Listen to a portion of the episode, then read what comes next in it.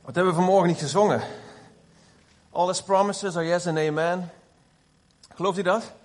Amen. Zijn woord staat vol met beloften. Vol met beloften. En ik geloof dat die beloften ja en amen zijn. En iedere keer als we uitspreken, dat er kracht is in onze woorden. In wat we zeggen. Dat God ons hoort, ons verstaat.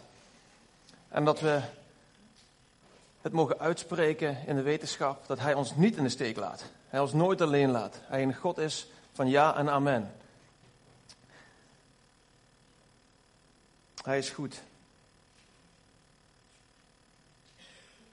And he will never, never, never let us down.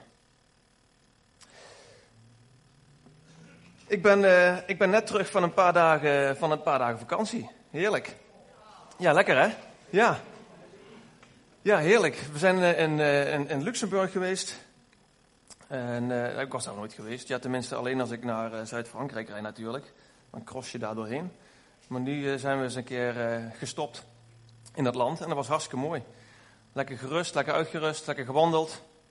Mooie kastelen bezocht. Musea bezocht. Heerlijk. Soms heb je die momenten nodig. Dat je even een moment hebt van rust, even afschakelen. Dankjewel. Dat heb ik ook af en toe nodig. Lekker. Of ben ik de enige? Wie kan er wel eens genieten van rust, momenten van helemaal niks? Ja, heerlijk toch? Lekker. Ja, nee, dat, uh, dat, is, uh, dat is voor mij hetzelfde. Dus we zijn heerlijk naar Luxemburg geweest. Lekker relaxed, lekker chillen. Lekker gegeten, lekker gedronken. En als je een periode hebt gehad, uh, of hebt op je werk, thuis, waarin heel veel gebeurt. mooie dingen, um, pittige dingen, stressvolle dingen soms. Dan is het goed om af en toe een pas op de plaats te maken. En even tijd te maken voor jezelf en voor elkaar. En um, ja, vandaag wil ik daar uh, het met jullie ook over hebben. Um, je kunt een periode hebben dat je heel veel uitdagingen in je leven tegenkomt. Challenges noem ik ze. Omdat ik uh, in het Engelse woord challenge nog een tweede mooie betekenis vind. En dat is verandering, change. Veranderingen. Veranderingen in je leven. Veranderingen die soms uh, heftig zijn. soms heel mooi zijn uh, soms gevraagd er zijn en soms ook ongevraagd er zijn. En hoe ga je daar dan mee om? En nou, ook voor mij geldt dat, ook voor mijn leven geldt dat. Er zijn heel veel veranderingen gaande. En hoe ga je daarmee om? En hoe spreekt en inspireert de Bijbel daarover? En ik wil jullie eigenlijk vanochtend meenemen in een aantal verhalen die mij in ieder geval enorm inspireren. En waar ik denk van ja, daar daar haal ik iets, iets, iets moois uit. Een uitdaging waar je voor staat. Ik denk dat iedereen bij zichzelf wel heel eventjes kan nadenken van oké, als ik naar mijn situatie kijk, naar mijn leven kijk, op dit moment, ik heb nu heel eventjes een uurtje rust. Dan is dit aan de hand en dan is dat aan de hand. Dit staat eraan te komen. Hier twijfel ik nog over. Dat weet ik eigenlijk nog helemaal niet zeker. Dit wil ik graag. Dat wil ik helemaal niet, maar het staat er wel aan te komen. Een uitdaging, een baanwissel. Misschien wel het aangaan van een nieuwe relatie, wel of niet. Een relatie in een hoogtepunt waar je in zit, of in een relatie in een dieptepunt, want dat is natuurlijk ook waarheid en keuzes die je samen mag maken. En veranderingen die er misschien in zijn aan te komen. Iedereen heeft daarmee te maken. Niemand is daar, heeft daar een uitzondering voor. Veranderingen, vernieuwingen zijn voor iedereen. Of je nu gelovig bent of niet. Of je nu um, ja, dat meemaakt als een hele pijnlijke verandering of als een hele vreugdevolle verandering. Ik net al zei, ongevraagd of gevraagd. Iedereen heeft ermee te maken.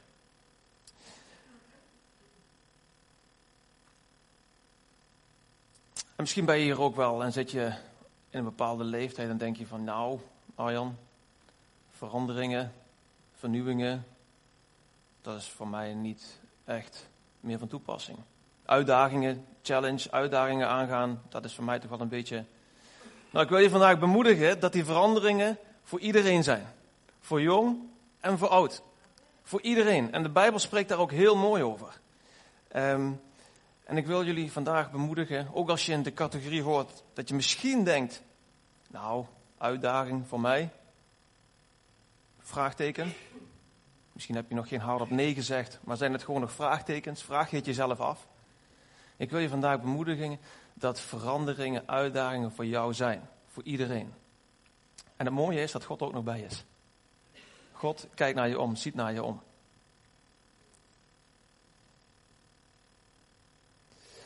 Ja, ik denk dat iedereen net al een paar voorbeelden in zijn eigen hoofd heeft laten langskomen. En misschien is er nog een vraagteken, maar misschien dat er zometeen nog wel een mooie uitdaging langskomt.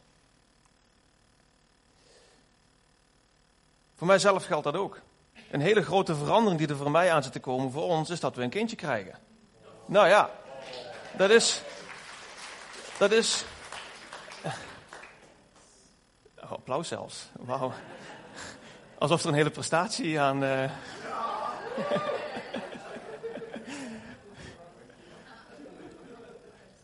en, en dat is een enorme verandering. En natuurlijk ben je daar heel blij om en heel vreugdevol om. Maar ik denk dat de mensen die daar al wat meer ervaren in zijn, dat je ook een heleboel vraagtekens langs krijgt, langskomen. Van doe ik het wel goed? Kan ik het wel? En dat geldt voor mij net zo goed. Op het ene moment ben ik samen met Def ontzettend zeker en denk ik van nou, dit, dit, wordt fantastisch, dit gaan we heel mooi doen en het wordt helemaal geweldig. En andere momenten komen er ook wel eens wat twijfels naar boven en denk je van oké, gaat dit wel goed en uh, kan ik dit wel? En is dit niet een verantwoordelijkheid die veel te groot is, die boven mijzelf uitstijgt? Of zijn dat vragen die ik alleen heb? Zijn er ouders in de zaal? Ja. Hebben jullie zulke vragen wel eens of niet? Ja, ja. Of heb ik het wel goed gedaan als kinderen ouder zijn? Dat kan natuurlijk ook een vraag zijn. Ja. En dat gaat natuurlijk om een enorme uitdaging die voor Dev en mij staat. Uitdagingen in de zin van iets waar je naar uitkijkt, maar soms ook een keer een vraag bij stelt van gaat mij dat, gaat mij dat wel lukken? En ik denk dat iedereen ook veranderingen of uitdagingen voor zichzelf heeft, waarin je denkt van, hé, hey, daar, daar, daar ben ik gewoon verdrietig om. Dat ging minder goed. Dat is een heftige gebeurtenis in mijn leven geweest, een heftige verandering, waarin je bijvoorbeeld iemand verloren hebt en denkt van, ja, die verandering was eh, letterlijk life-changing omdat dat zoveel impact op mij gemaakt heeft. En sommige veranderingen zijn gewoon lastig om mee te maken. Dev en ik hebben lang gestoeid om een, om een huis te vinden, bijvoorbeeld. Dat was ook zoiets. Dat, dat, dat heeft volgens mij een aantal jaar geduurd. en dan, dan stonden we weer vlak voor een hele mooie koop en een hele mooie kans. En op het laatste moment, dat is ongeveer drie keer gebeurd, op een of andere rare reden klapte de ballon toch uit elkaar. En was het hele sprookje en onze hele verwachting en alles wat ik er aan opgehangen had, was eigenlijk gewoon weg. En um, dat zijn ook van die dingen dat, je zelf, jezelf, dat ik mezelf afvraag of vroeg. Inmiddels wonen we natuurlijk wel op een leuk plekje. Uh, van hé, hey, hoe kan dit? En wat lastig. En, en had ik daar heel veel vragen bij. En dan dreigde ik een beetje de hoop te verliezen. Dus veranderingen kunnen heel vreugdevol zijn, uitdagingen kunnen heel vreugdevol zijn en soms ook gewoon heel teleurstellend. Of heel verdrietig. Paulus spreekt ook heel duidelijk over verandering. Paulus spreekt in de Korinthebrief over verandering. En ik wil met jullie gaan naar 2 Korinthe 3, vers 17 en 18. En die tekst die heeft mij hierin wel gegrepen. Want het is een tekst die niet een tekst is voor alleen maar toen en alleen maar voor dat moment, maar waar iets continuus in zit. 2 Korinther 3 vers 17 staat, wel nu, met de Heer wordt de geest bedoeld. En waar de geest van de Heer is, daar is vrijheid. Wij allen die met onbedekt gezicht de luister van de Heer aanschouwen, en dat doen we, dat doen we hier met elkaar. We mogen de de glorie van God aanschouwen deze morgen. Zullen meer en meer door de geest van de Heer naar de luister van dat beeld worden veranderd. Hier gaat het ook over verandering. Maar niet over een zozeer materiële verandering, een huis of een relatie van mens tot mens, of het krijgen van een kindje, of iets in jouw eigen situatie waar je iets bij kan voorstellen. Maar het gaat over een goddelijke verandering in jou, diep van binnen in jouw hart, die bewerkstelligd wordt door God, door de geest van God, door zijn Heilige Geest.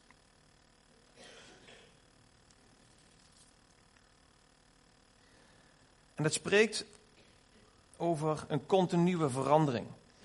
Als je naar die laatste zin kijkt, we zullen meer en meer door de geest van de Heer naar de luister van dat beeld worden veranderd.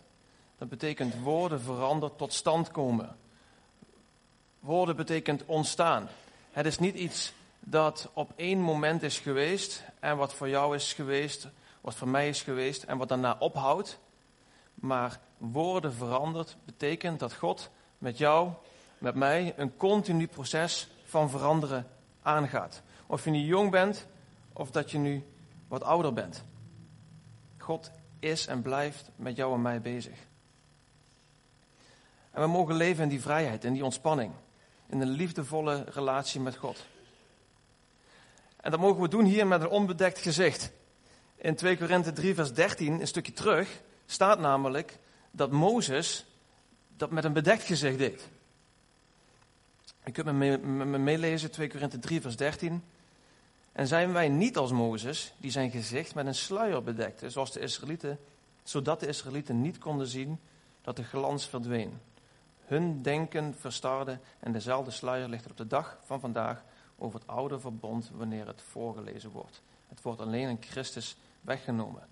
Hier heeft Paulus het over de sluier die Mozes wel voor zijn gezicht had, waarbij die heerlijkheid, een andere vertaling staat, van heerlijkheid naar heerlijkheid worden wij veranderd, dat die bedekt was. We mogen die sluier afdoen. We mogen het laten zien aan de mensen om ons heen. Jullie laten aan mij zien de heerlijkheid die in jullie woont. En dat is de tegenwoordigheid van Gods Heilige Geest. Mogelijk gemaakt door Jezus Christus aan het kruis. Wat we vandaag met elkaar vieren. Wat we met elkaar herdenken. Het brood en de wijn. Waarin we, waarin we zeggen, Vader, omdat uw zoon Jezus stierf, is die sluier weggenomen. Mogen we groeien van heerlijkheid naar heerlijkheid. Worden wij veranderd? Gaan we meer op u lijken? Omdat wat hier gebeurd is, de grootste verandering eigenlijk is aller tijden. De grootste uitdaging aller tijden. De uitdaging die Jezus aanging. En daarmee nam hij zoals het hier zo mooi staat, het oude verbond weg.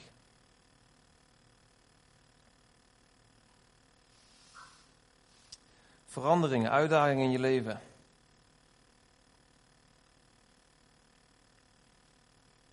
Ik was in, uh, in Luxemburg, dat zei ik net. En wij gingen naar een Turks stoombad. Heeft iemand dat wel eens uh, gedaan? Nee? Nou, dat was echt helemaal fantastisch. Want als je naar binnen komt, dan zie je dus helemaal niks. Uh, omdat alles een en al stoom is. Ja. Mist, stoom. En ontzettend heet, maar ook ontzettend lekker en ontspannen. En toen ik in dat, in dat bad zat, toen moest ik denken aan een Bijbelverhaal. ik moest denken aan het Bijbelverhaal. Dat gaat over Sadrach, Mezach en Abednego. De oven. Ja, het was daar zo heet, dat ik ben een paar keer ook weggevlucht. Ik zeg, Def, dit gaat mij niet lukken. Uh, maar er was daarna ook, daarnaast ook zo'n ijshal, zeg maar. Dus daar sprong je dan even in en dan kon je weer terug. Maar toen ik daar in die, in die oven zat en ik dacht helemaal tot rust te komen, moest ik denken aan het verhaal dat zo'n 500 jaar voor Christus zich afspeelde het verhaal waarbij een aantal Judeërs gevangen worden genomen. Nou, het hele, het hele land, hè, Judea, het zuidelijke deel, werd toen in ballingschap meegenomen, gevangen genomen, gedeporteerd, zeg maar. En onder hen waren vier mannen, vier vrienden, kameraden. Daniel, Ganania, Misael en Azaria. En toen ze in het land kwamen, in Daniel 1 vers 6 staat het, gaf de hoofd enig hun andere namen. Daniel noemde hij Balthasar, Ganania Sadrach, Misael Mezach en Azaria Abednego. En toen ik, in die, toen ik in dat Turkse stoombad zat en ik dit verhaal een beetje aan het overdenken was, dacht ik van, hey, die jongens, die vrienden, die kameraden, die hadden pas een uitdaging voor hun staan. Een uitdaging in de vorm van, in dit geval een beeld. Er zijn heel veel andere vergelijkingen natuurlijk voor dat beeld. Maar ik wil hem vandaag eens neerzetten als gewoon een uitdaging in je leven. Een gebeurtenis, een mooie of een treurige, een heftige keuze, een makkelijke keuze, een grote keuze, misschien een kleine keuze. En die drie jongens uiteindelijk gingen de uitdaging aan. Het verhaal ken je misschien. Het beeld werd opgericht door koning Nebukadnezar. Het beeld werd neergezet. Er werden voorwaarden gesteld dat iedereen als de muziek klonk moest buigen voor het beeld. En wie dat niet deed, die werd vermoord. En deze jongens die vol van geloof waren en ik denk ook steun bij elkaar zochten, want ze staan daar niet voor niks met z'n drieën genoemd, met elkaar stonden, die stonden voor een enorme opgave. Gaan we hier buigen? Gaan we misschien doen alsof? Of gaan we dat niet doen en blijven we bij ons standpunt dat er geen andere God is dan onze God en Vader in de hemel? En misschien heb je zelf ook zo'n uitdaging voor jou, zo'n beeld, om maar eventjes in die metafoor te plaatsen. En zijn er ook voorwaarden om jou heen, om de gevolgen die misschien aan die keuze vastklampen?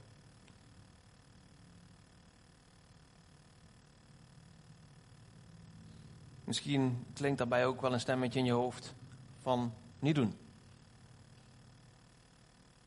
Toen het huis van mij niet doorging, niet eens de grootste uitdaging in mijn leven. Maar op een gegeven moment krijg je ook wel zo'n gevoel van ja, het lukt toch nooit. Of als je voor een situatie staat dat je een kind mag gaan opvoeden, een stem klinkt van nou, dat lukt je toch niet. Deze jongens werden ook aangeklaagd. Letterlijk zelfs. Er waren een paar klikkers. Een paar mensen die zagen dat deze jongens ervoor kozen, Zaterdag, Mezag en Abednego, om niet te buigen voor het beeld. Om een andere keuze te maken. Ze werden verklikt, klikspanen, die de koning, die koning Nebuchadnezzar vertelde, deze jongens doen het niet. En ze moesten bij deze koning komen. En voor mij spreken hier een aantal dingen uit dit verhaal. Iedereen heeft wel een situatie. Iedereen kent de voorwaarden. Iedereen heeft misschien ook wel te maken met klikspanen. En dat hoeven geen mensen letterlijk om je heen te zijn, maar dat kunnen ook de gedachten zijn in je hoofd. Die tegen jou zeggen van, dit lukt je toch niet. En wat hield deze mannen er nou doorheen? Wat, wat, wat gebeurde er? Ik denk in de eerste plaats dat deze jongens een rotsvast geloof hadden. Een rotsvast geloof.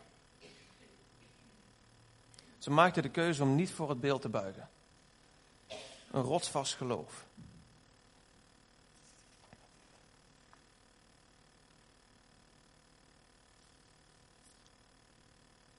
En zij geloofden in die voorwaarden die staat. En die staat inmiddels omschreven in 2 Korinthe 3.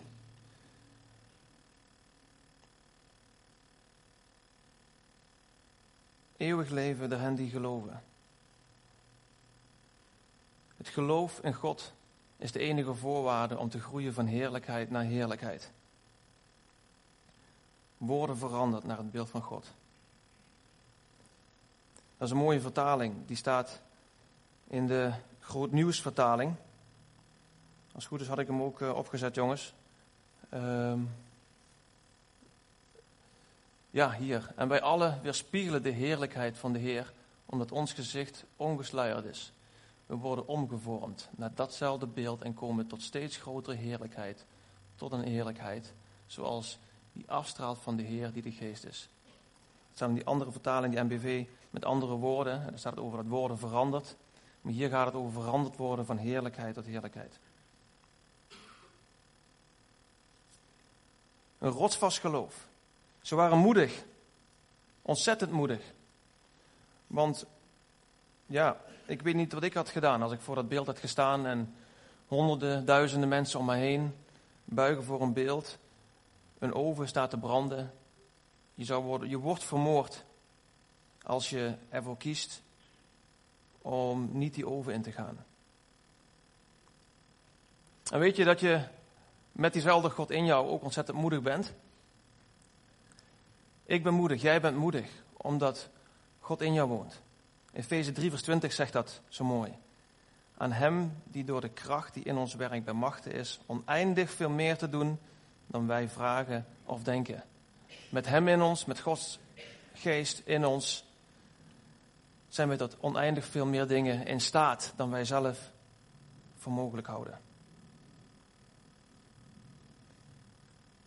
Ze waren vol geloof, ze waren moedig. Ik geloof ook dat ze een enorm sterke band met elkaar hadden en vriendschappen onderhielden.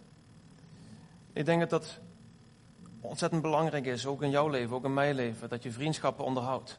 Relaties met mensen onderhoudt die jou steunen, die kritisch kunnen zijn naar je. Ik geloof dat God een God van relatie is. Zo is hij ook begonnen met Adam en Eva in het paradijs. Door met hen te wandelen, door met hen te sparren, te lopen, te wandelen. God is een God van relatie. Hij heeft het bedacht. Deze jongens hadden vriendschap met elkaar. Hoe goed is het om vriendschap met elkaar te hebben? En ze waren vastberaden. Ze waren vastberaden om niet te buigen. Vastberaden en standvastig.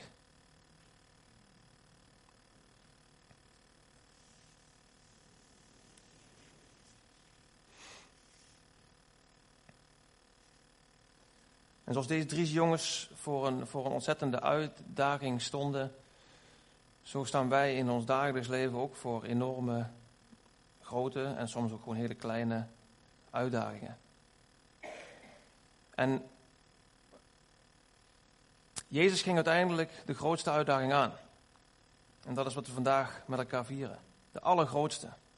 Zijn, zijn lichaam, waar we dit brood mee symboliseren, mee gelijkstellen, brak. Brak voor jou en voor mij. Alleen maar voor en door liefde. Ontzettende liefde van God de Vader. Om het oude verbond te breken en te zeggen: al die drempels, al die voorwaarden zijn niet meer nodig. Als je in mij gelooft, dan mag je bij me komen. En dan zal ik jou veranderen van heerlijkheid naar heerlijkheid, naar heerlijkheid, naar heerlijkheid. Of je nu jong bent of ouder bent. Door Gods geest, die in jou en die in mij woont. En Jezus had ook een rotsvast geloof. Hij had een rotsvast geloof. Kende hij ook angst? Ja, het staat letterlijk beschreven. Hij kende ook ontzettende angst. Maar hij had een rotsvast geloof. Dat dit de weg zou zijn die goed is.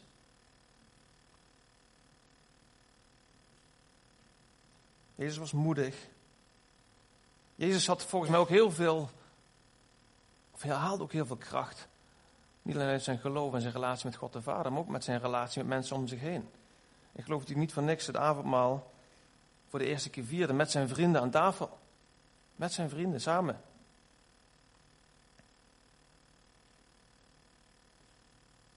En Jezus was natuurlijk hartstikke vastberaden, want hij wist, als ik dit doe, dan is er een verandering voor, voor in alle tijden, voor in alle eeuwigheid.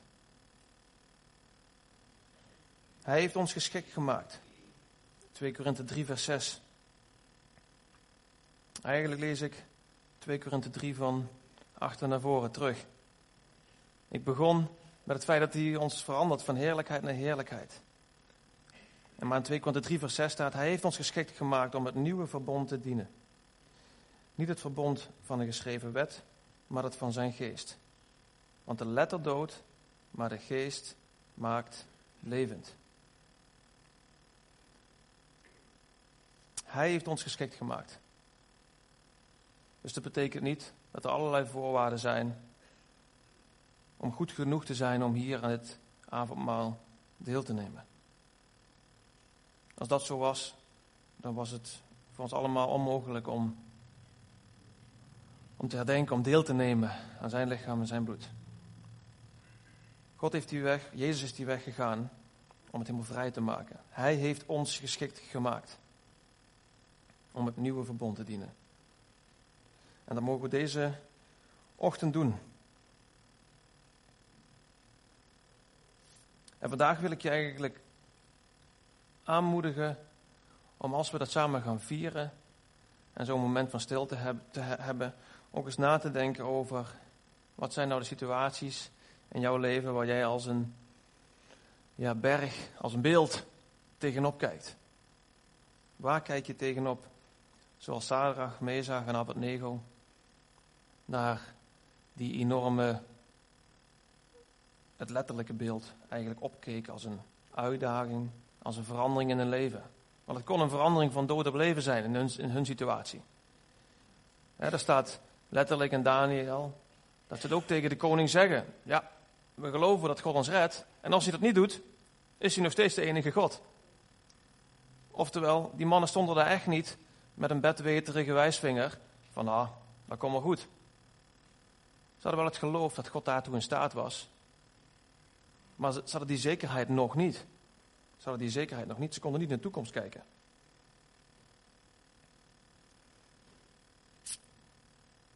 Welk beeld, welke uitdaging, welke challenge, klein of groot, heb jij in jouw leven? En dat kan heel klein zijn en het kan heel groot zijn.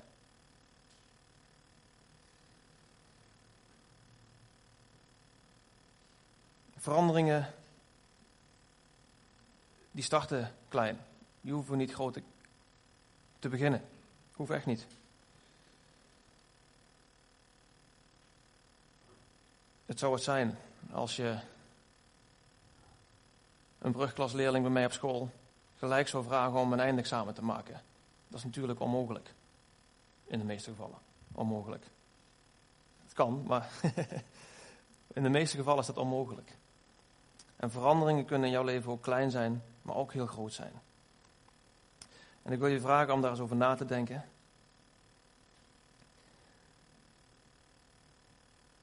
Want God is hier om jou vanmorgen ook bemoediging te geven. Ik wil vragen of de mensen die mij zouden helpen met het brood en de wijn. Ja, Martijn, dan, dankjewel.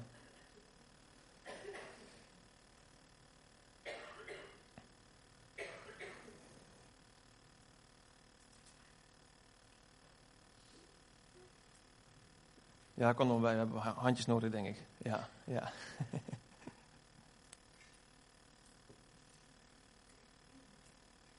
ik wil de band vragen om te komen.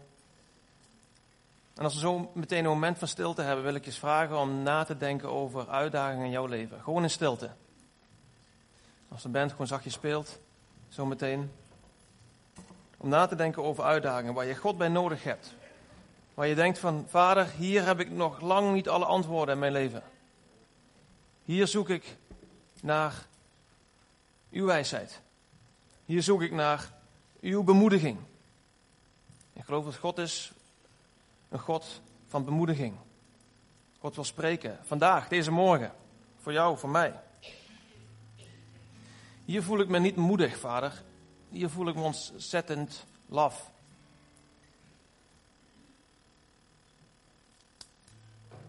En als we zo meteen een moment van stilte hebben, dan wil ik je vragen om daarover na te denken.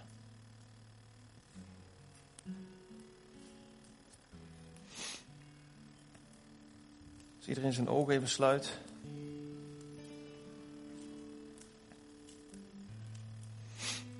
Ja, vader, ik geloof dat u een God bent, Heer, een God van verandering. Heer, u brengt ons van heerlijkheid naar heerlijkheid naar heerlijkheid. We worden veranderd door u, omdat u in ons woont en het gezegd door u, bloed. De weg is vrij. Heer Vader, daar willen we u voor danken.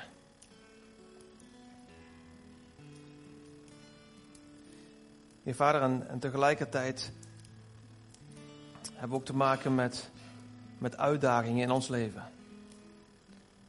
Uitdagingen waar we tegen opkijken, zoals Sadrach, Mezach en Abednego naar dat beeld opkeken, als een enorme uitdaging in hun leven. Heer, voelen we ons soms niet goed genoeg, niet sterk genoeg, niet moedig genoeg, niet capabel. Missen we bevestiging, Heere God, omdat we gewoon twijfelen. Heer Vader, ik wil u in de eerste plaats danken dat u al die gevoelens in ons hebt gelegd, Heer. Heer, dat ze niet fout zijn. Heer, u bent de maker van onze emotie, u bent de maker van ons gevoel. De maker en de kenner van ons hart. Heer, en ik dank u dat u daar ook in staat bent, Heer Vader, om moed terug te geven, Vader. En herstel terug te geven Heer, en wil die bemoedigen door, door woorden die we naar elkaar mogen uitspreken. U bent een God van bemoediging, omdat u ons kent. Door en door en door en door.